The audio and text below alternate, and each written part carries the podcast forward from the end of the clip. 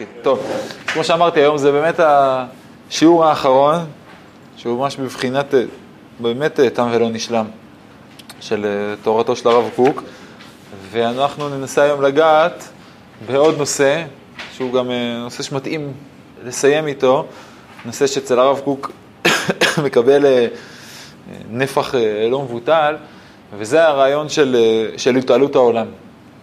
הרעיון של התעלות העולם, ראיה לזה שהוא באמת מרכיב משמעותי מבחינת הרב קוק, תהיה אפילו העובדה שבאורות הקודש ב', שהוא ספר הליבה של תורתו של הרב קוק, כשהרב הנזיר עורך את אורות הקודש, אז דבר ראשון הוא עורך את כרך ב', כן, צריך לדעת. כרך א' מתווסף אחר כך. כשהוא מדבר על עיקרי תורתו, עיקרי משנתו של הרב קוק, הוא מדבר על כרך ב', לא על כרך א', זה הדבר הראשון שהוא עורך, ואחד מחמשת החלקים של, של אורות הקודש ב', עוסק בכל הרעיון הזה של, של התעלות העולם, וכבר זה יכול ללמד אותנו עד כמה הנושא הזה, עד כמה הנושא הזה הוא חשוב, ובואו ננסה קצת להבין מה בדיוק המשמעות של הרעיון הזה, של הנושא הזה, שנקרא התעלות העולם, ומה הוא פותח לנו כפתח, אני חושב ממש בעבודת השם, נראה שזה קשור לעוד נושא חשוב של הרב קוק. אז כשאנחנו אומרים הרבה פעמים התעלות העולם, תרגמו לי את זה למילה אחרת, מה הייתם אומרים במקום? גאולה. אפשר, אז אפשר לחבר את זה לסיפור של משיח, של גאולה, אבל אני בשפה העממית, נקרא לזה, בשפה הרגילה, איך היינו קוראים לזה? קדמה. נכון? ככה היינו חושבים לקרוא לדבר הזה, מה שהעולם שלנו מאוד מאוד אוהב, אבל אני חושב שלתרגם את הרעיון של התעלות, התעלות העולם לקדמה, הוא תרגום אה, שגוי, ולא רק שהוא שגוי, אלא הוא גם מטעה, הוא מחמיץ נקודה מאוד מאוד משמעותית במה שהרב קוק מדבר עליו כשהוא עוסק ברעיון הזה של, של התעלות העולם, ולכן אנחנו צריכים עכשיו לנסות ולדייק מאוד מה המשמעות בדיוק של, ה, של המונח הזה. ואתם יודעים מה, כדי אולי להתחיל ולברר, בואו תסתכלו בדף, בפסקה הראשונה, קובץ ג', פסקה קע"ג, לא הבאתי פה את כל הפסקה, היא עוסקת באיזשהו עניין קצת אחר, אבל זה קטע שהוא רלוונטי לגבינו. בואו נקרא את הדבר הזה, תגידו לי אם זה מתאים לדעתכם לרעיון של התעלות העולם או מתאים לרעיון של קדמה. הניסיונות של התרבות העשירו הרבה את המדע המעשי ואת הרוחני הבנוי על בסיסו, אבל את העולם של הדמיון, בכל גודל החיים שבו, הורידו הרבה. על כן קטנה היא מאוד האישיות העכשווית לגבי האישיות הקדומה, בייחוד אצל הגדולים שנתבגר הדמיון שלהם ורכש לו את המניות הדרושות מהשכל המעשי. ובצדק הננו מכריזים גם כעת, אחרי ההתפתחות הגדולה של ההשכלות המודרניות, עם הראשונים כמלאכים, אנו כבני אדם, ועם הראשונים כבני אדם, אנו כחמורים. זה קדמה? להתעלות העולם? נראה אפילו קצת הפוך, אולי לא לגמרי הפוך, אולי קצת מורכב, אבל תראו את החתימה של הפסקה. הראשונים כמלאכים אנו כבני אדם, הראשונים כבני אדם אנו כחמורים. כשאנחנו מסתכלים על הדברים האלה, זה יותר נשמע כמו איזו תפיסה אה, שמרנית, קלאסית, שתדע בעיקר לדבר על מה? על אה, האדרת העבר על חשבון ההווה. נכון? מה שהיה טוב זה מה שהיה פעם, ויש מה שנקרא ירידת הדורות. הפוך בדיוק מהרעיון לכאורה של התעלות העולם, הפוך בדיוק בטח מהרעיון של, של קדמה, אבל אני חושב שגם אם הפסקה הזאת מבחינתנו תעמוד עכשיו כניגוד לרעיון של התעלות העולם, אז עוד פעם פספסנו מה זה בדיוק התעלות העולם. למה מכוון, למה מתכוון הרב קוק כשהוא מדבר על, ה, על הדבר הזה. ופה אני כבר אומר אולי כהקדמה, אנחנו צריכים להשתחרר בכלל מהבינאריות שהרבה פעמים תופסת אותנו, תופסת את החשיבה, ה, נקרא לה ההיסטורית, של, של שאלת היחס בין ההווה או ההווה והעתיד לבין העבר.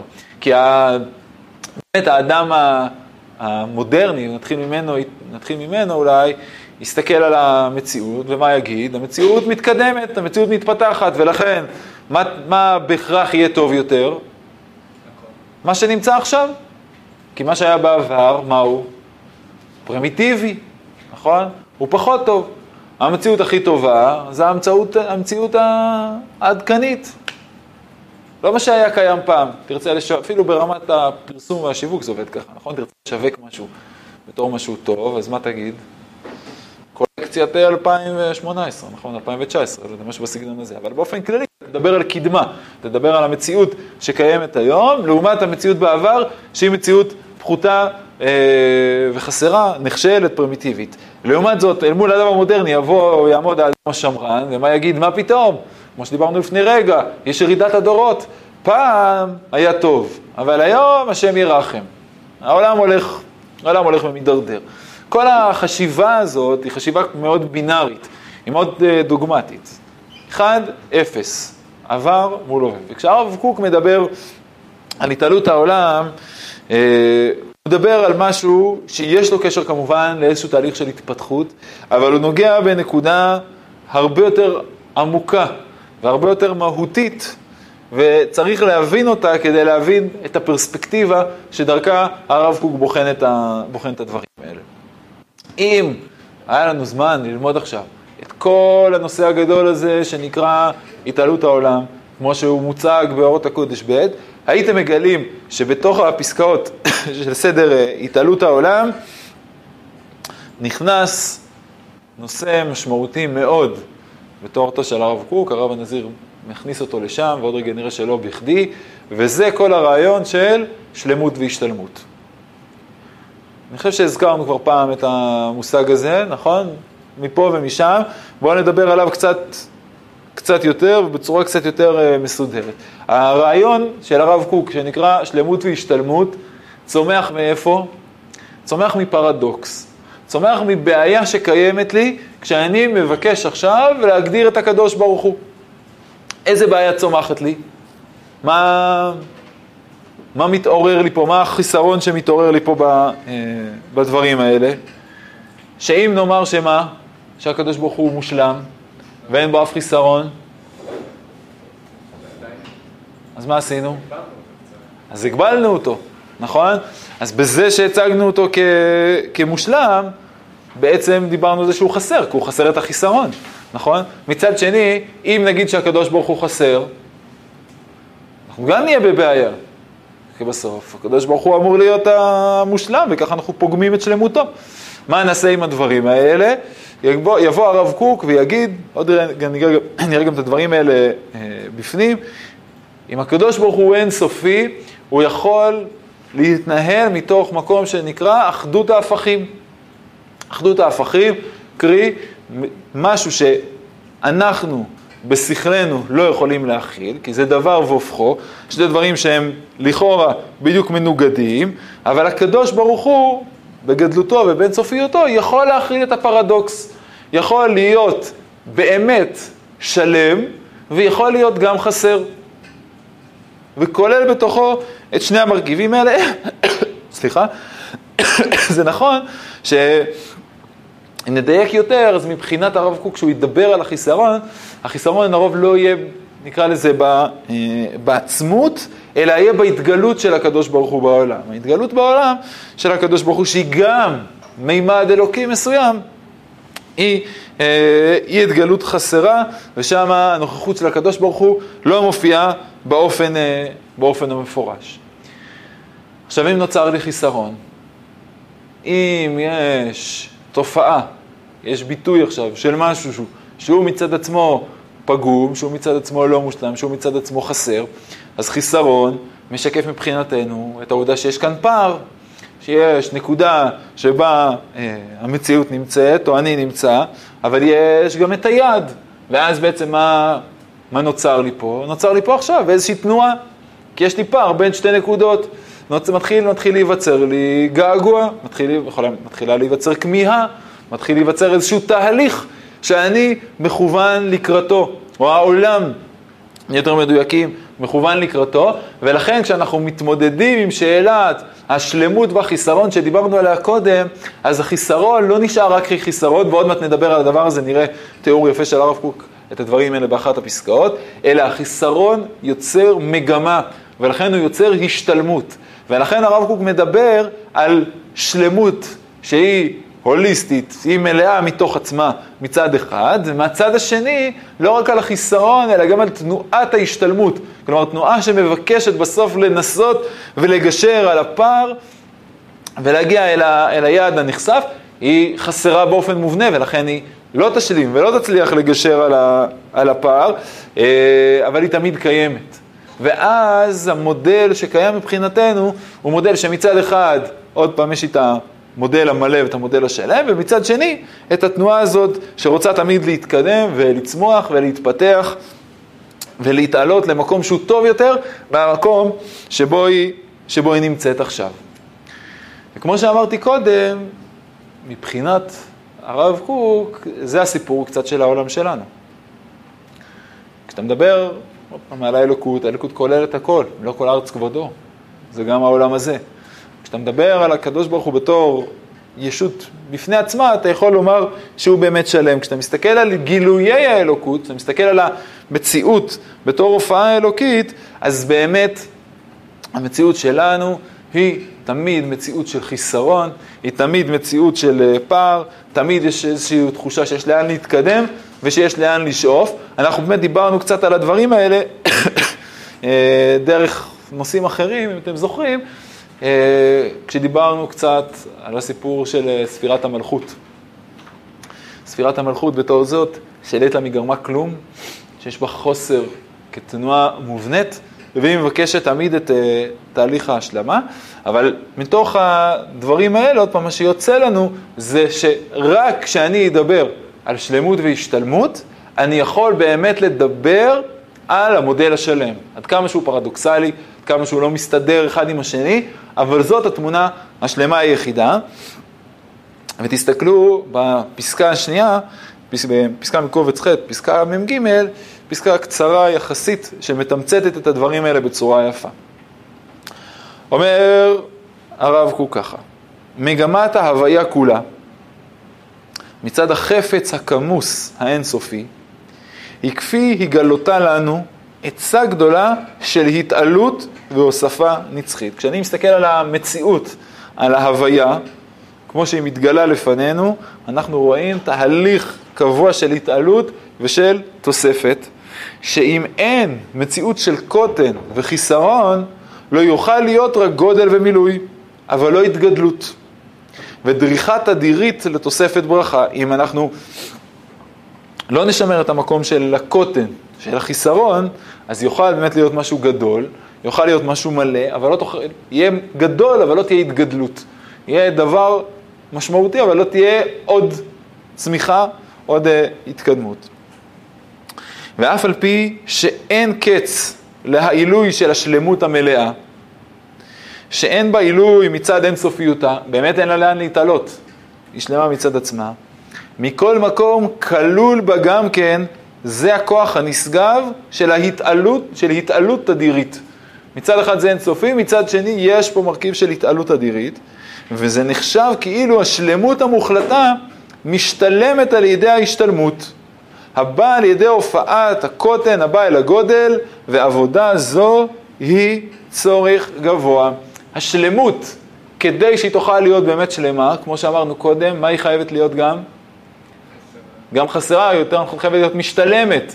אבל אם היא משתלמת, אז זה אומר שהיא חסרה, זה לא מושלמת, עוד פעם חזרנו פה לאותה נקודת פרדוקס, אומר הרב קוק, במידה מסוימת, אנחנו חייבים את שני המרכיבים האלה ביחד. ומה אני עוד פעם מגלה? שכדי שאני אוכל לדבר על השלמות במובנה המלא, אני חייב לדבר גם על ההשתלמות. אני לא יכול בלי המרכיב הזה. כי אם אני אדבר רק על השלמות שאין בה תהליך של התפתחות, שאין בה מרכיב של צמיחה, החסרתי את הקדוש ברוך הוא, צמצמתי אותו. אמרתי שיש משהו שהוא לא. ולכן גם אומר הרב קוק בסיומה של הפסקה, שאותה עבודה של הופעת הקוטן הבא הגודל, כלומר עבודת ההתפתחות, עבודה זו היא מה? צורך גבוה. מה זה עבודת צורך גבוה? אפשר להבין את זה גם במובן של קריטי, אבל השימוש של המונח הזה לרוב מתייחס למה? צורך של מי? של הקדוש ברוך הוא. גבוה במובן שזה שלו, זה לא עבודה בשביל העולם, זה לא בשביל האדם או בשביל המציאות, זה מרכיב קריטי בשלמות האלוקית, ולכן ההשתלמות חייבת להיכנס. עד כמה עוד פעם שזה מייצר את המורכבות ואת ה, את הפרדוקס, ובלי ה, הדבר הזה לא אפשר לדבר על שלמות גדולה. זה נכון, שוב, שזה המרכיב הנמוך, אבל המרכיב הזה הוא מרכיב מחויב, והוא בעצם זה שמופיע בעולם, אם תרצו, האופן שבו אפשר לראות את הדבר הזה משתקף ומופיע בעולם, זה בהיסטוריה. ההיסטוריה, כמה שמבקשת לייצר פרספקטיבה, לייצר תנועה, לייצר תהליכים, לייצר מגמות, היא מבחינת הרב קוק אחד הביטויים לאותו צורך גבוה, לאותו השתלמות ש, אה, שהאלוקות חייבת לכלול בתוכה כדי להציג את התמונה השלמה, ומי שמכיר, אה, יש מאמר חשוב וגדול מאוד של רבי יוסי אביבי שנקרא היסטוריה צורך גבוה, אחד המאמרים הראשונים שלו ביחס לרב קוק בהקשר הזה, ושם הוא פורס את הנושא הזה באופן נרחב יותר, לא רק ברב קוק, הוא מדבר על הרב קוק ועל הרמח"ל, אה, אבל זה מי שרוצה, אה, למי שרוצה להרחיב. אני חושב שעוד פעם צריך לזכור שכשהרב קוק מדבר פה על האלוקות, אחד ממרכיבי האלוקות זה גם העולם הזה. גם המציאות שלנו היא חלק אינטגרלי מהאלוקות, ואני אגיד אפילו עוד יותר, לכן תיארתי את זה דרך ההיסטוריה. כי איזה חלק באלוקות הוא חלק חסר? החלק הנברא. כי את זה רוצים אפשר לחבר לעוד אה, מונח, שגם אותו אני בוודאי מניח שאתם מכירים, זה הרעיון של הצמצום. במידה מסוימת העיקרון של שלמות והשתלמות משתקף דרך הצמצום. הקדוש ברוך הוא צמצם את עצמו כדי לאפשר למשהו להיברא שלא היה קיים, שלא היה קיים קודם, נכון? ולכן המקום שבו נפגוש את האלוקות בצורתה החסרה, בצורתה המשתלמת, היא דווקא בעולם הזה, כי העולם הזה הוא כבר עולם סופי, ולא עולם אינסופי. אבל הצורך בעולם הזה הוא צורך קריטי כדי לדבר על השלמות האינסופית המלאה. ואם כבר נגענו בנקודה הזאת, אז בואו בוא רגע נמשיך ונבין מה זה אומר. בעצם, מה שעולה מתוך הדברים האלה של הרב קוק, זה שכשאנחנו עכשיו מסתכלים על העולם שלנו, אנחנו צריכים להבין שבאמת העולם שלנו באופן מובנה הוא חסר, ואנחנו צריכים לקבל את המציאות החסרה. וכמות שהיא, מה זה כמות שהיא? לא לשמוח בחיסרון, היא משתלמת, אבל ההבנה שיש כאן תהליך שנמצא בתנועה מתמדת, הוא מרכיב יסוד בעולם שלנו. אם אני מחזיר אתכם לאחד ממשפטי המפתח של הרב קוק בצמאון ליל חי, בזירון הראשון בזירונים, שגם אותו ראינו, אם מקום מנוחתנו הוא רק באלוהים, ואלוהים הוא אינסופי, מה זה בעצם מלמד אותנו על עצמנו? שאנחנו תמיד נימצא מה? בתהליך. במידה מסוימת נימצא תמיד בשאיפה, נימצא תמיד בהתקדמות, בצמיחה, וזה יהיה משהו שהוא מובנה למערכת. ככה, זה, ככה נצטרך לאפיין את העולם הזה. כלומר, יש לי יעד נחשף, אבל במידה מסוימת היעד שנחשף אליי הוא, הוא הרבה מעבר לעולם הזה, ואני תמיד נמצא במסע הזה לעבר האופק, אני תמיד מבקש להתקדם יותר ויותר, אבל בעצם אני גם תמיד משתלם.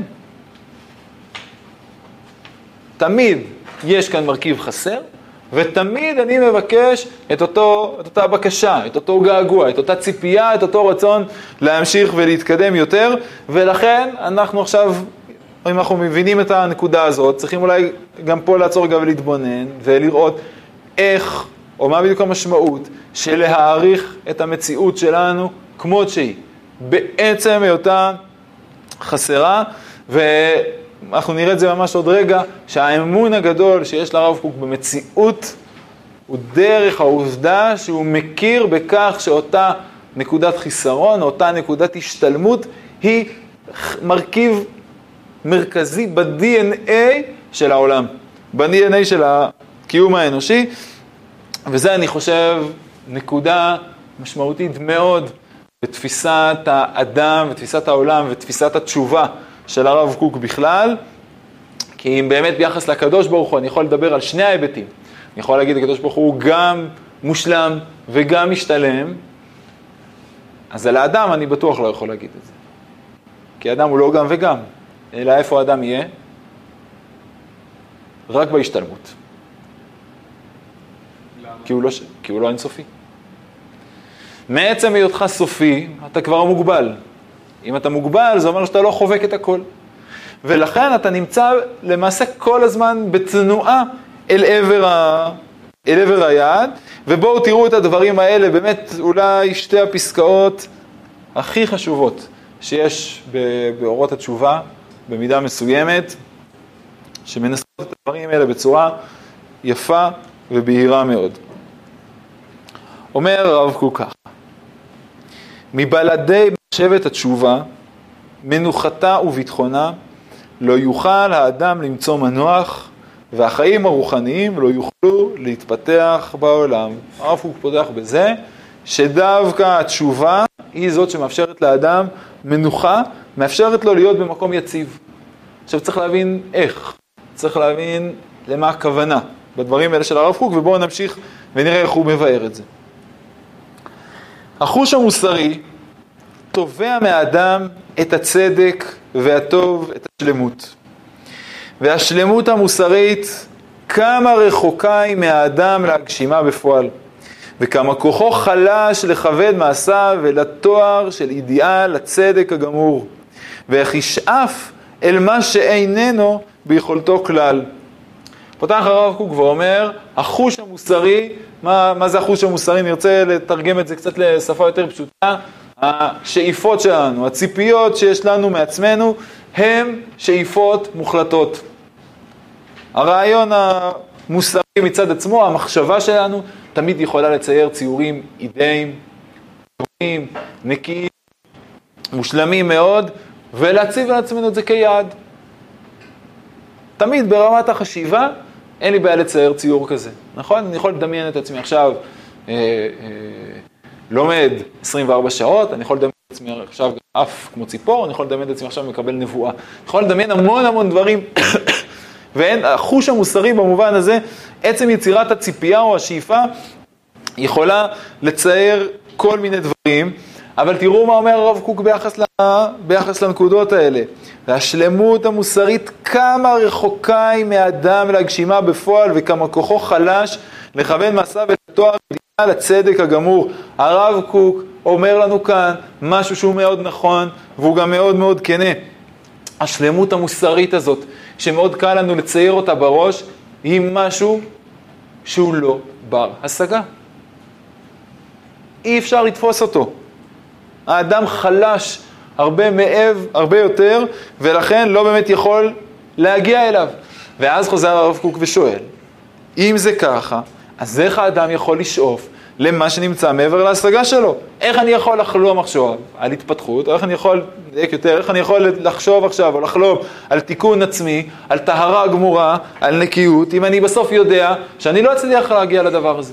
אם אני בסוף יודע שאני יגיע לחטא. ועוד מעט נראה התייחסות מפורשת גם של הרב קוק לחטאים בהקשר הזה. יש פה פער, פער שהרבה פעמים ברמה קיומית יכול להיות פער קורע, כי אתה באמת חולם חלומות, מצייר לך ציורים, ואתה מתחיל שנה ומתחיל אלול עם אה, כל מיני דברים,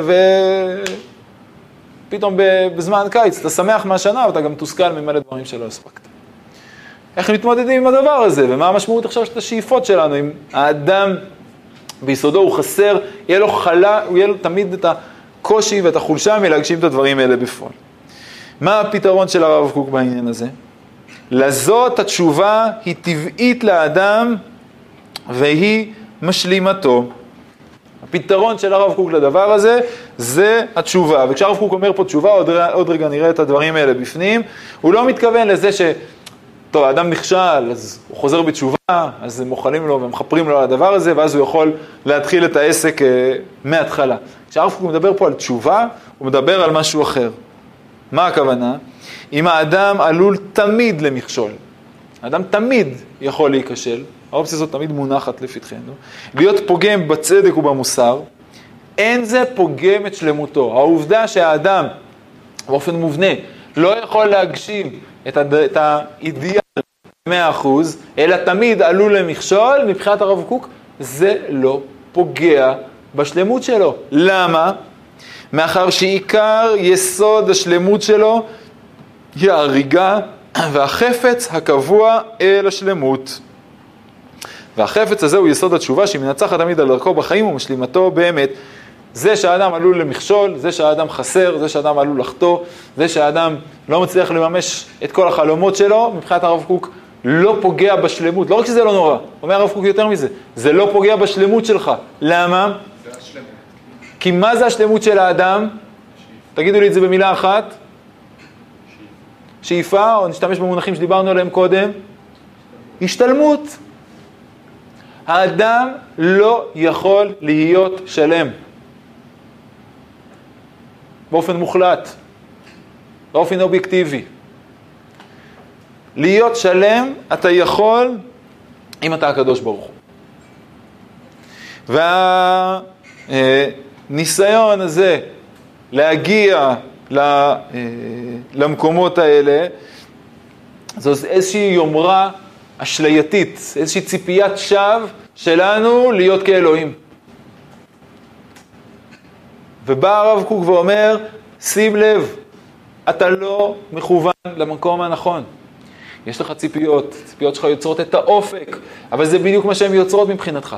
את האופק, ואתה במסע הזה שהולך, אה, שהולך קדימה, השלמות האנושית באה לידי ביטוי בזה שהאדם כל הזמן נמצא במגמה, בזה שהוא נמצא בתנועה, בזה שהוא משתלם ולא בזה שהוא שלם, הוא לא אינסופי, יש לו שאיפה אינסופית, והשאיפה הזאת כל הזמן דוחפת אותו קדימה, דוחפת ו, אה, ומניעה אותו. עכשיו באמת, אם האדם מצפה, מתיימר לחשוב ולצפות, שהוא יכול להגיע למקום האינסופי, שהוא למעשה המקום המושלם, מקום ש, אה, שתופס את הכל.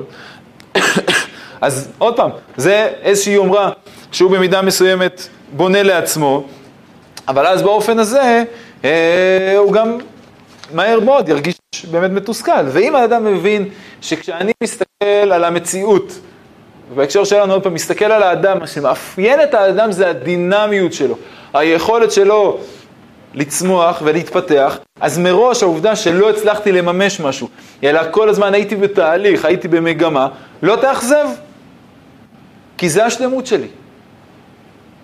השלמות שלי היא לא בזה שאני שלם באופן מלא, אלא בזה שאני משתלם. בזה שאני נמצא כל הזמן בתנועה, שאני מאפשר לעצמי באופן תמידי לצמוח, ולכן כל נקודה שאני נמצא בה, אם אני באמת בציר התקדמות, היא נקודה שאני יכול לשמוח בה. היא נקודה שאני יכול לברך עליה, היא נקודה שאני יכול אה, להאמין בה, וכן, העולם הזה, כידוע, חיסרון הוא מהשכינה.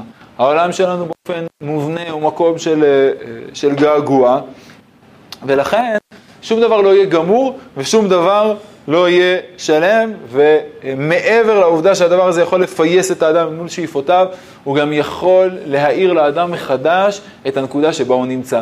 להכיר את זה שהיא חסרה, לדעת שהיא לא מושלמת, לא לנסות לייפות את המציאות, אבל גם לא שהדבר הזה ירסק אותו ויתסכל אותו, אלא להבין שזאת הנקודה שבה הוא נמצא כרגע. וממנו הוא תמיד, נכון, הוא ממשיך. אין מטרה לנוח על זרע הדפנה. כל הסיפור של האדם זה הדינמיות.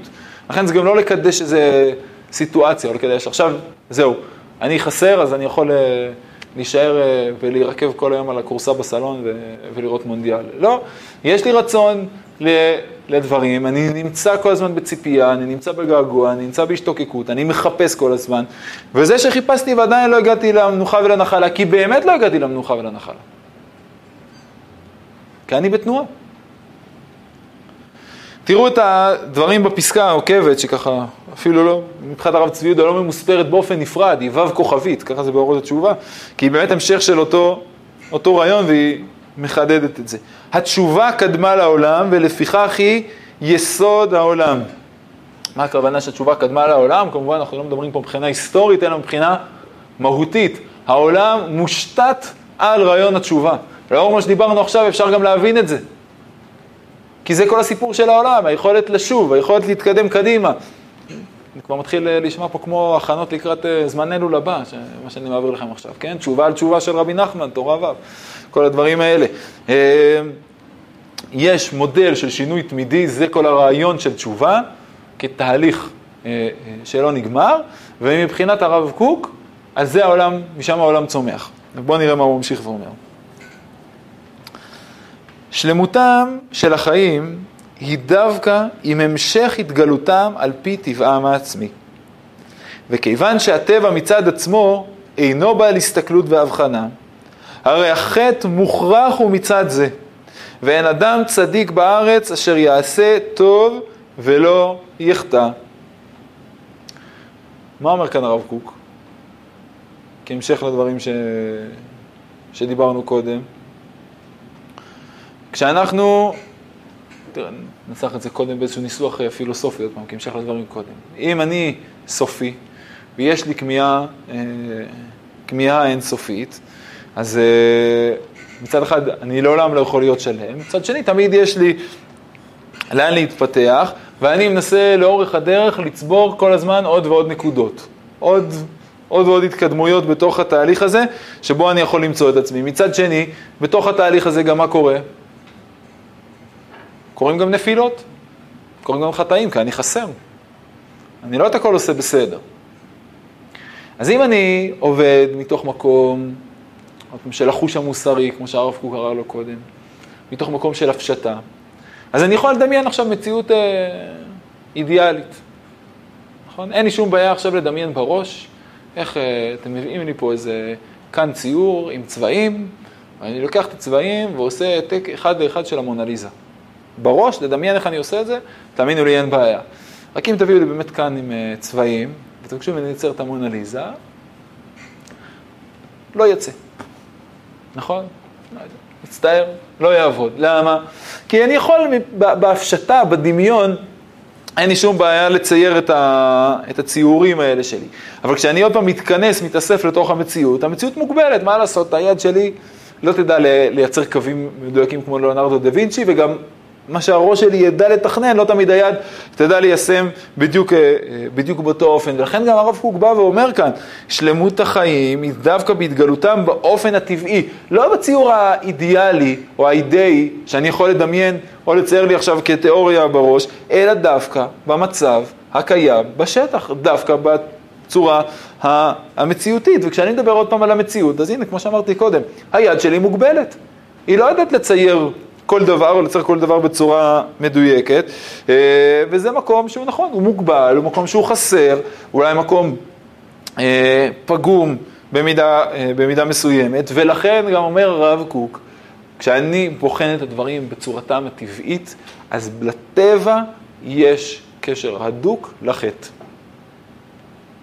אין צדיק אשר יעשה טוב בארץ ולא יחטא. האדם תמיד עלול לחטא.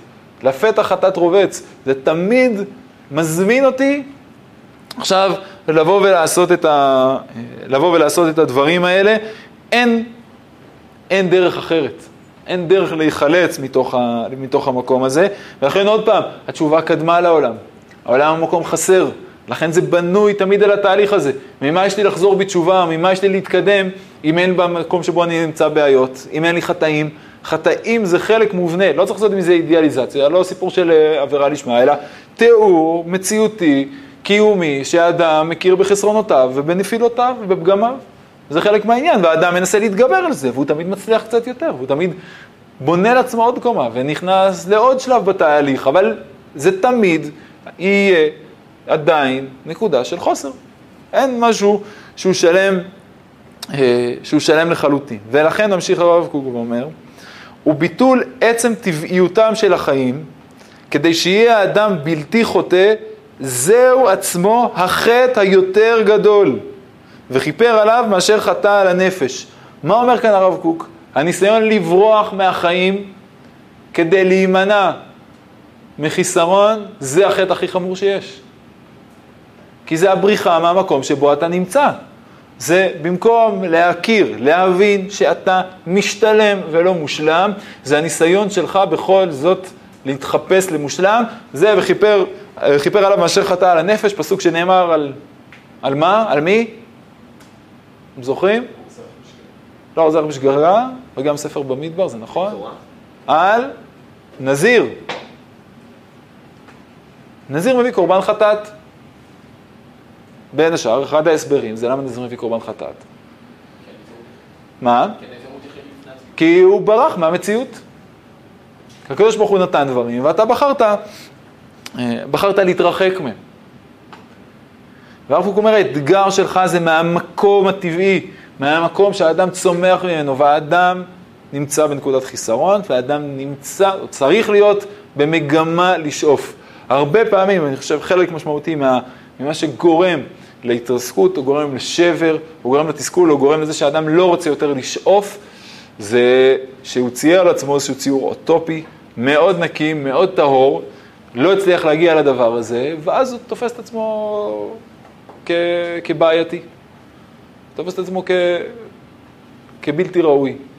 ואם אני מבין שחטא הוא חלק אינטגרלי, חיסרון הוא משהו מובנה בי, אני אולי לא שמח בו, אבל זה, זה המצב שלי, זה מי שאני, אז עם זה אני עובד, משם אני מתפתח, משם אני מנסה להתקדם. על כן התשובה מתקנת את הקלקול ומחזירה את העולם ואת החיים למקורו, דווקא בגילוי יסוד עצמיותם העליון, עולם החירות, ועל שם כך מכנים שם השם אלוהים חיים. כאן מחבר אותנו הרב קוק לעוד נקודה, וגם היא נקודה, אה, נקודה משמעותית מאוד. אנחנו יודעים שעולם התשובה קשור, נקרא גם בעולם הסוד, עלמא דחירו, עולם החירות. ואומר לנו כאן משהו מאוד מעניין הרב קוק. דווקא ההכרה של האדם בחסרונו, או בהשתלמות שבו, בתהליך שבו הוא נמצא, דווקא זה מה שהכי משחרר אותי. למה דווקא זה הדבר שהכי משחרר אותי? זה מה שנותן לי הכי הרבה חופש. כי כשיש לי איזשהו ציור שאני כל כך מוכוון אליו, כשאני מדמיין לעצמי את המקום שאליו אני חייב בסוף להגיע, אז אני כבול. אני לא חופשי. יש כבר מערכת שמראש הציבה בפניי את הדברים האלה. אבל אם אני יודע גם להכיר בערך של הנקודה שבה אני נמצא עכשיו, אז המקום שלי עכשיו גם הוא טוב. נכון, הוא לא הטוב המושלם, אבל האדם הוא לא הטוב המושלם. הוא תמיד במגמה, הוא תמיד אה, בתהליך, הוא תמיד בתנועה, ואני שמח ב, במקום שלי. כפרפרזה לדברים האלה, אני חושב הרב שגר היה אוהב להשתמש בזה דרך הדרוש החבדי על אנוכי. מה זה אנוכי? אנוכי מי שאנוכי. מי זה אני? מי שאני.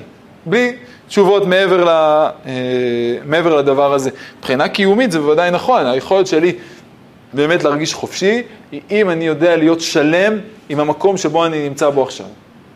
לא כי המקום שאני נמצא בו עכשיו הוא המקום הכי טוב, הוא לא המקום הכי טוב, אבל זו הנקודה שאליה הגעתי, ואני לא נמצא באיזשהו מרדף אה, אינסופי, סזיפי, כלפי להיות שלם, אם אני באמת לא נמצא, מתוך, ב, אה, לא נמצא בנקודה הזאת.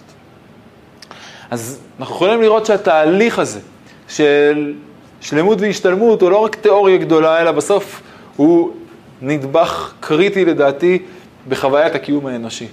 במקום שבו אנחנו מנסים להניע את הדברים ומנסים לייצר אותם. ובעצם הדבר הזה שדיברנו עליו עד עכשיו, במסגרת, ה, אה, נקרא לזה, האישית, נכון באותה מידה, גם ביחס לעולם. וזה מחבר אותי כבר לדברים שעליהם דיברנו קודם, על הרעיון הזה של התעלות העולם. כשאנחנו מדברים על התעלות העולם, התעלות העולם זה לא רק התקדמות, שיש בה היררכיה ברורה. הנה המקום שבו אה, אני נמצא, ועכשיו אני מתקרב למושלם, או אפילו נגעתי במושלם, לעומת מה שהיה קיים אה, לפני כן, אלא זה נקודה הרבה יותר עמוקה, יש כאן איזשהו רצון עמוק שקיים אה, באדם, שקיים בחברה, שקיים בעולם, לצמוח, להתפתח, להיות טוב יותר, להיות שלם יותר, והתהליך הזה הוא תהליך שלמעשה הוא, אה, הוא תהליך בלתי נגמר. אז יש לנו כבר באופן מובהק קשר בין הרעיון של שלמות והשתלמות, או בטח ההשתלמות לרעיון הזה של, אה, של התעלות העולם, להבין איך בכל, גם בדבר שהוא חסר, הוא עדיין יכול להיות דבר שיש בו ברכה, דבר שהוא חלק מה, מההופעה האלוקית, וזה כמובן אני אהיה אפשר להבין את זה, או יהיה אפשר לחוות את זה ככה, רק אם אני אכיר בזה ש, גם נקודת החוסר היא נקודה. היא נקודה קיימת ולגיטימית, בטח בתוך, ה... בתוך הקיום האנושי. אחד התיאורים היפים שיש לרב קוק בהקשר הזה, וזה גם מתחבר עוד פעם לשאלה של מאור לפני כן, אתם יכולים לראות מעבר לדף. בצד השני, עוד קטע מתוך פסקה שהיא פסקה אה, ארוכה הרבה יותר, אבל תראו מה אומר הרב קוק בפסקה שמופיעה גם באורות הקודש א', פסקה מתוך קובץ ה'. אומר הרב קוק ככה: בתוך כל הדברים שנקראו יקרים, נחשבת גם כן הסכלות. כמה יקרה היא נקודתה הפנימית, שהיא מחזקת את אור כל החוכמה. אחד הדברים המבורכים שקיימים בעולם זה שיש סכלות. לא שהרב קוק מנסה לקדש כאן את הבערות, ולכן הוא לא מדבר על סכלות כאידיאל שצריך אה, לשאוף אליו דילית אה, או ריסט למוח שלנו, אלא על מה הוא מדבר? סכלות מעט. סכלות מעט מקמצוץ מסוים של חיסרון ידע, של טיפשות אולי, יהיה אפילו, אפשר לומר במידה מסוימת, הוא מה שמחזיק את אור כל החוכמה. איך זה יכול להיות? באיזה מובן?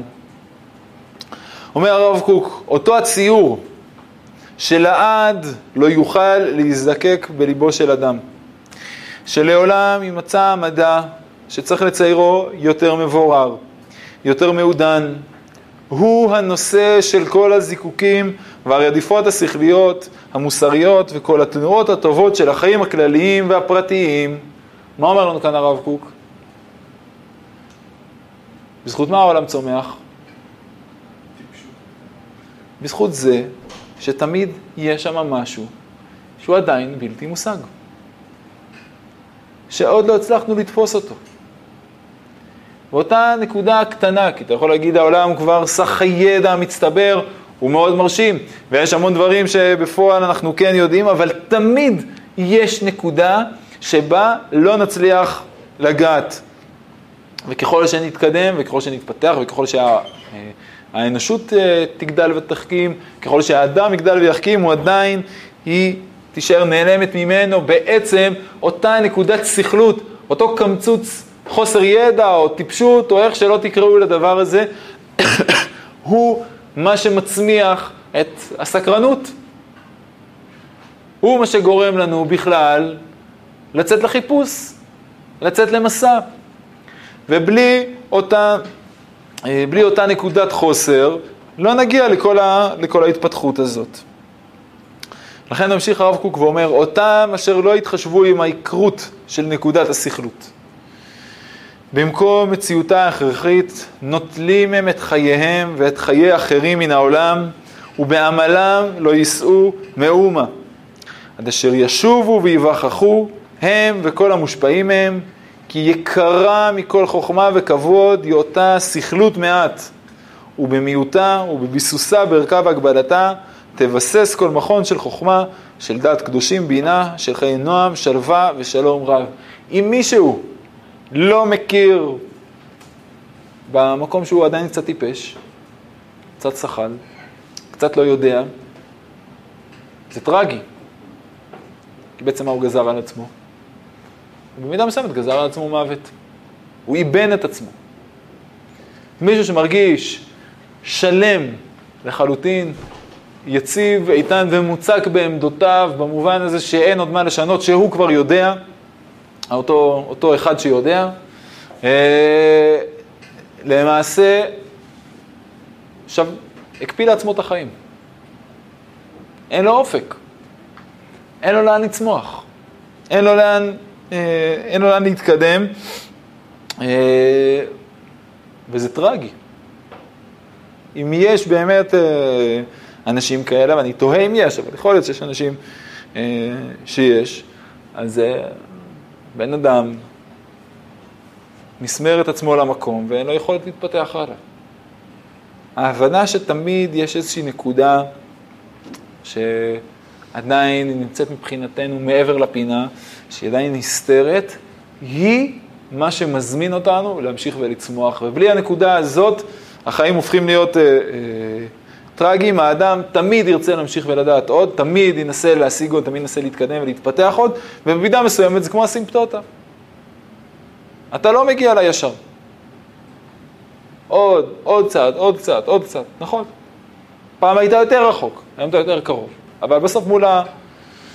מול באמת נקודת הייחוס שלך, מול האינסופי, זה לא משנה. אתה תמיד נמצא בכמיהה הזאת קדימה. אבל שימו לב, כבר כמה פעמים הזכרנו את זה, והזכרתי את זה גם פה, אני חושב, קודם בשיעור, שהרב קוק הוא באמת המאמין הגדול במציאות.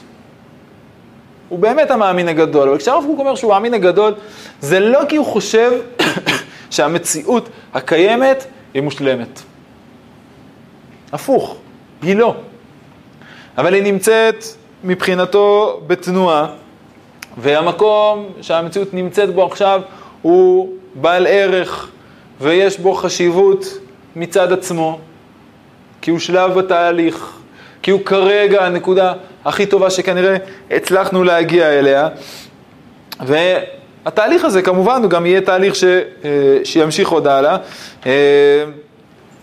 כי זה לא שיש כאן איזושהי התקדמות בציר אה, מאוד לינארי כזה, שבו יש לך איזשהו חיסרון מסוים, שאתה יודע שאתה צריך לפצות עליו, שאתה יודע שצריך לדלג מעליו או איכשהו לגשר על הפער, תגיע, תסיים עם הדבר הזה ותוכל אה, לסגור את הסיפור. אלא חיסרון הוא, כמו שאמרנו קודם, מרכיב מובנה, ולכן בכל דבר שלא נעשה יהיה, אה, יהיה מרכיב של חיסרון. זה עוד פעם חוזר לנקודת ההשתלמות, אלא מקום שהחוסר הוא בסוף הברכה, הוא מה שגורם לנו להמשיך, אה, להמשיך ולצמוח. ופה אני חושב שצריך באמת לחזור גם לדברים ש, שאמרתי בהתחלה, בנוגע להסתייגות שהייתה לי קצת מה, אה, מהשימוש בלשון, בלשון קדמה. או באיך שהעולם היום תופס את הרעיון של קדמה. כי היום כשהעולם אומר קדמה, זה כמו שאמרנו כבר קודם, יש עולם פרימיטיבי ואנחנו מעליו. בכל אמת מידה שלא תהיה. העולם פעם היה נכשל, והיום העולם הוא טוב יותר.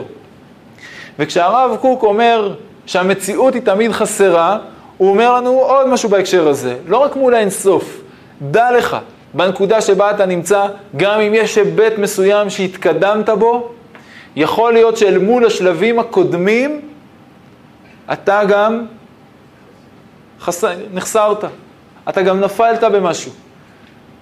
זה נכון שמבחינה מסוימת אה, אה, הייתה התקדמות, וראינו לאורך השנה לא מעט את זה שהרב קוק מאוד מעריך את החידושים שמתקיימים, שמופיעים אה, בעולם, ויש הרבה מה ללמוד מתוך הדבר הזה, ועדיין אומר הרב קוק, תמיד תשתדל להיות עם עמדה ביקורתית. אם המציאות היא מציאות חסרה, אז היא לא רק אה, מול האינסוף, יש לך תמיד לאן להתקדם, אלא היא גם חסרה אולי ביחס למה שהיה קיים קודם.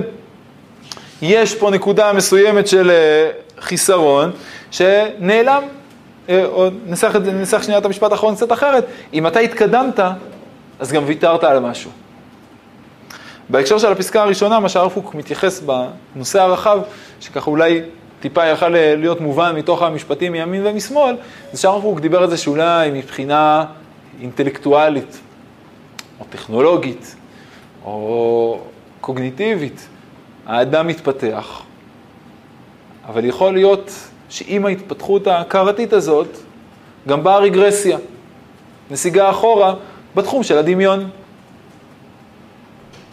עולם הדמיון פחות עשיר, פחות מפותח, אז uh, באמת יש צדדים אחרים שיכול להיות שמבחינה, uh, uh, כמו שאמרתי, אינטלקטואלית, קוגניטיבית, הכרתית, פילוסופית, יכול להיות שבאמת מאוד מאוד התפתחת, אבל יכול להיות שהעולם פעם, בעידן, מה שאוהבים לקרוא הרבה פעמים פרימיטיבי, אולי באמת היה פחות uh, מתקדם, והנה היום אתה טס, ב, טס במטוס, מה שלא יכלו לעשות פעם, ועוד uh, יכול לפתור uh, משוואות מתמטיות מאוד מסובכות, אבל אולי לעולם של פעם היה בכלי הדמיון, היה עושר יותר גדול ממה שקיים אצלך עכשיו.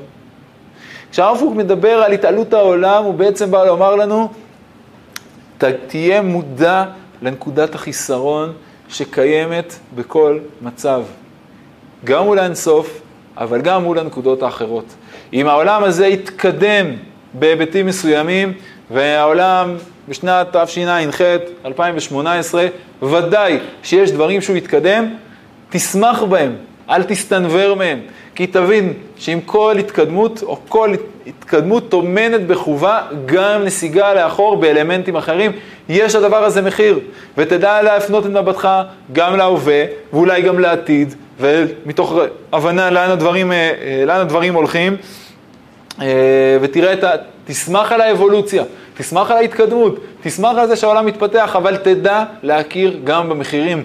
תדע להיות גם שמרן, תדע להתרפק גם על הנוסטלגי, להבין שבאמת יש כאן דברים שעם כל מה שצריך להעריך את מה שמופיע והתקדם, יש לדבר הזה גם חסרונות. והמציאות בהקשר הזה היא מורכבת, היא, היא דורשת איזושהי עדינות. ובאמת העולם המודרני בהקשר הזה מאוד אה, מסונבר מעצמו. כלומר, מאוד ברור לו שמה שקיים היום נעלה על מה שהיה קיים פעם. או איך תכנה את אלה שהם לא חלק מהעולם המודרני, שלרוב מזוהה עם העולם המערבי, עוד פעם, מבחינתך הם יהיו פרימיטיביים. עכשיו, יש דברים שכנראה באמת העולם המערבי, אירופאי, איך שלא נקרא לזה, באמת יתקדם יותר, אבל יש דברים שיכול להיות שגם בשבטים, אפילו של, לא יודע, ציידים לקטים באמזונס, או שבטים באפריקה, או במזרח, או כל מיני דברים כאלה, שיש צדדים אחרים שהם באמת נעלים עלינו. שאנחנו ייצרנו, העולם המערבי ייצר לעצמו איזשהן נכויות. ואם אני אנסה עכשיו לקדש רק את העכשווי, כי העולם מתקדם, אז uh, יש פה החמצה מאוד עמוקה, כי בעצם קידשתי רק חצי תמונה. הסתכלתי על הדברים רק מצד אחד, ואני מקפיא קצת את המציאות כמו, ש, כמו, שהגעת, כמו זאת שאני פוגש עכשיו שהגעתי אליה, את הסיטואציה הנקודתית, ולא מכיר בזה שגם למקום שאני נמצא בו עכשיו, יש חסרונות עמוקים. וזה דורש בתנועת הנפש רצון כל הזמן לחזור ולנוע מצד לצד. לראות איך בסוף מנסים לבנות תמונה שלמה, שעוד פעם, כמו שאמרנו, ברור שהתמונה השלמה תמיד תכלול מידה מסוימת של חיסרון, אבל תהיה ער לזה, תהיה מודע אה, לקושי שקיים כאן באופן, אה, באופן מחויב, באופן מוכרח. יש איזושהי התעלות, ואני חושב שגם ככל שהאדם, העולם מתקדם יותר, הוא גם באמת יודע להכיל יותר מורכבויות. יכול לקבל את המנעד הזה. אבל אני פשוט הדגשתי את הדברים האלה עכשיו בגלל הזיהוי לרוב מתבקש, אולי כמעט ואוטומטי שיש לנו, של הרעיון של התעלות העולם עם קדמה. ומה שאנחנו רואים בדברים עכשיו, זה שהתעלות העולם זה לא קדמה. התעלות העולם משקפת דווקא את ההתמודדות העמוקה שלי עם החיסרון. וההבנה עד כמה החיסרון נוכח לא כמשהו שאמור לפרק אותי ולשבור אותי, אלא כמשהו שאמור לתת לי להכיר במקום שלי. והוא מה, שמדרבן אותי. אז כן, האדם מתקדם, יש איזשהו תהליך של צמיחה, יש שמחה במקומות שאליו האדם מגיע, אבל תדע גם מה הפסדת בדרך, תדע על מה ויתרת, תחשוב איך אתה מפצה על הדבר הזה. בסדר? זה עוד פעם, אני אומר בעיקר אל מול איך שהרבה פעמים בעולם תופסים את, ה... את הדברים האלה, זה באמת תביעה הרבה יותר מדויקת, או הרבה יותר עמוקה בכל מה שקשור להתייחסות, לתופעות, לאירועים, אה, לשינויים שקיימים בעולם. שוב, זה שמשהו חדש יותר, לא בהכרח, א', לא בהכרח נותן לו אה, העדפה, לא בהכרח אומר שהוא מיד אה, נכון יותר, וגם יש בו צד נכון יותר, תהיה ער לעובדה שזה כנראה בא על חשבון מחיר מסוים, ולחשוב איך אתה מפצה על, ה, על הדברים האלה. ולכן באמת אנחנו צריכים כשאנחנו מסתכלים על הרעיון הזה של, של, אה, של התעלות העולם, להבין שמדובר כאן בתופעה שאין לה סוף, היא לעולם לא נגמרת, והיא בעצם מלמדת אותנו שאנחנו באמת יכולים להתחדש בכל יום ויום. בכל יום ויום נותן לנו עוד אלמנט, לא כמצב האוטופי, לא כמצב השלם, אלא כחלק מהתנועה הגדולה הזאת. וזה, תראו גם כתיאור יפה של הדברים בקובץ ד', אומר הרב קוק כך, ההופעה שבאה לאדם לחוש על ידה את היצירה, לא כדבר שכבר נגמר ונעשה, אלא כדבר שהוא תמיד מתהווה, מתעלה, מתפתח ומתרומם, זה לא כדבר גמור, אלא כמה שנמצא כל הזמן בתנועה, זו היא שמעלה אותו מתחת השמש למעלה מן השמש. ממקום שאין כל חדש למקום שאין כל ישן, שהכל מתחדש, ששמחת שמיים וארץ הובה בו כיום שנבראו בו. כי באמת הדבר הזה יכול להיות דבר מאוד מעצים. שוב, אם אני חוזר לדברים שכבר אמרתי קודם, אם אני מתיימר מראש להציג לעצמי איזושהי שאיפה טהורה, אוטופית, לשלמות, אז אני כל בוקר אתרסק. אני כל בוקר אהיה במצוקה מה, מהחיסרון, מזה שלא עשיתי את הדבר הזה. אבל אם אני מבין שאני נמצא בתנועה, ומאפשר באמת לכל יום להיברות מחדש, להתחדש, לראות איך התהליך הוא תהליך שממשיך ו, אה, וצומח יותר ויותר, אז התנועה הזאת היא תנועה שמשחררת אותי, זו אותה נקודת חירות, אותה נקודת חופש, היא מה שמאפשר לי באמת לא לשקוט על השמרים ולבקש מעצמי הלאה והלאה את, ה, אה, את התנועה הזאת, ומבחינת הרב קוק זה מרכיב יסוד באופן שבו אני רוצה לתפוס את העולם, זה מרכיב יסוד בחוויה הקיומית שהאדם צריך לצקת לעצמו. העולם תמיד נמצא במגמה. נכון? זה כמו אחת הדרשות שאנחנו מכירים על עולם הבא. מה זה עולם הבא? עולם שהולך ובא. הוא האופק שלך. אתה תמיד נמצא במגמה אליו. בסדר? זה עוד פעם. הרבה פעמים עולם הבא זה מה שנקרא אחרי המוות, אבל גם אצל חז"ל, ולא רק אצל חז"ל, אנחנו יודעים שעולם הבא הרבה פעמים משקף את המציאות העתידית. במידה מסוימת אפשר לראות באמת המציאות העתידית כאופק שאני כוסף אליו ושואף אליו, ואני באמת מתקדם, אני מתפתח. וזה שלא הגעתי ליעד הנכסף לא אומר שאני עכשיו אה, צריך להיות בדיכאון. צדיקים יושבים, שזה לא נשמע מצב של צנודה ושאיפה. גם לצדיק, עוד פעם, אין, אה, אין צדיק אשר עושה טוב בארץ ולא יחטא. יכול להיות שיש שלבים שמתקדמים, שיש פתיחות חדשות, אבל להגיד שהמציאות היא עכשיו מציאות אוטופית, גמורה, טהורה, חפה מכל שיג, זה אומר שהגעתי לקדוש ברוך הוא, כי זה באין סוף. כל זמן שאני סופי, אני בעצם תמיד נמצא בנקודת חיסרון. אז יכול להיות שאני יכול להתקדם, יכול להיות שיכולים להיות חידושים, שהעולם יכול להתהפך, כל הדברים האלה הם נכונים. אבל אה, זה לא, עדיין לא סוגר את האופציה, לא שמענו שיש מציאות שבה לא יהיה חטא. ואם הגענו לשם, אז העולם נגמר. בסדר? זה יכול להיות טרגדיה מצד עצמו.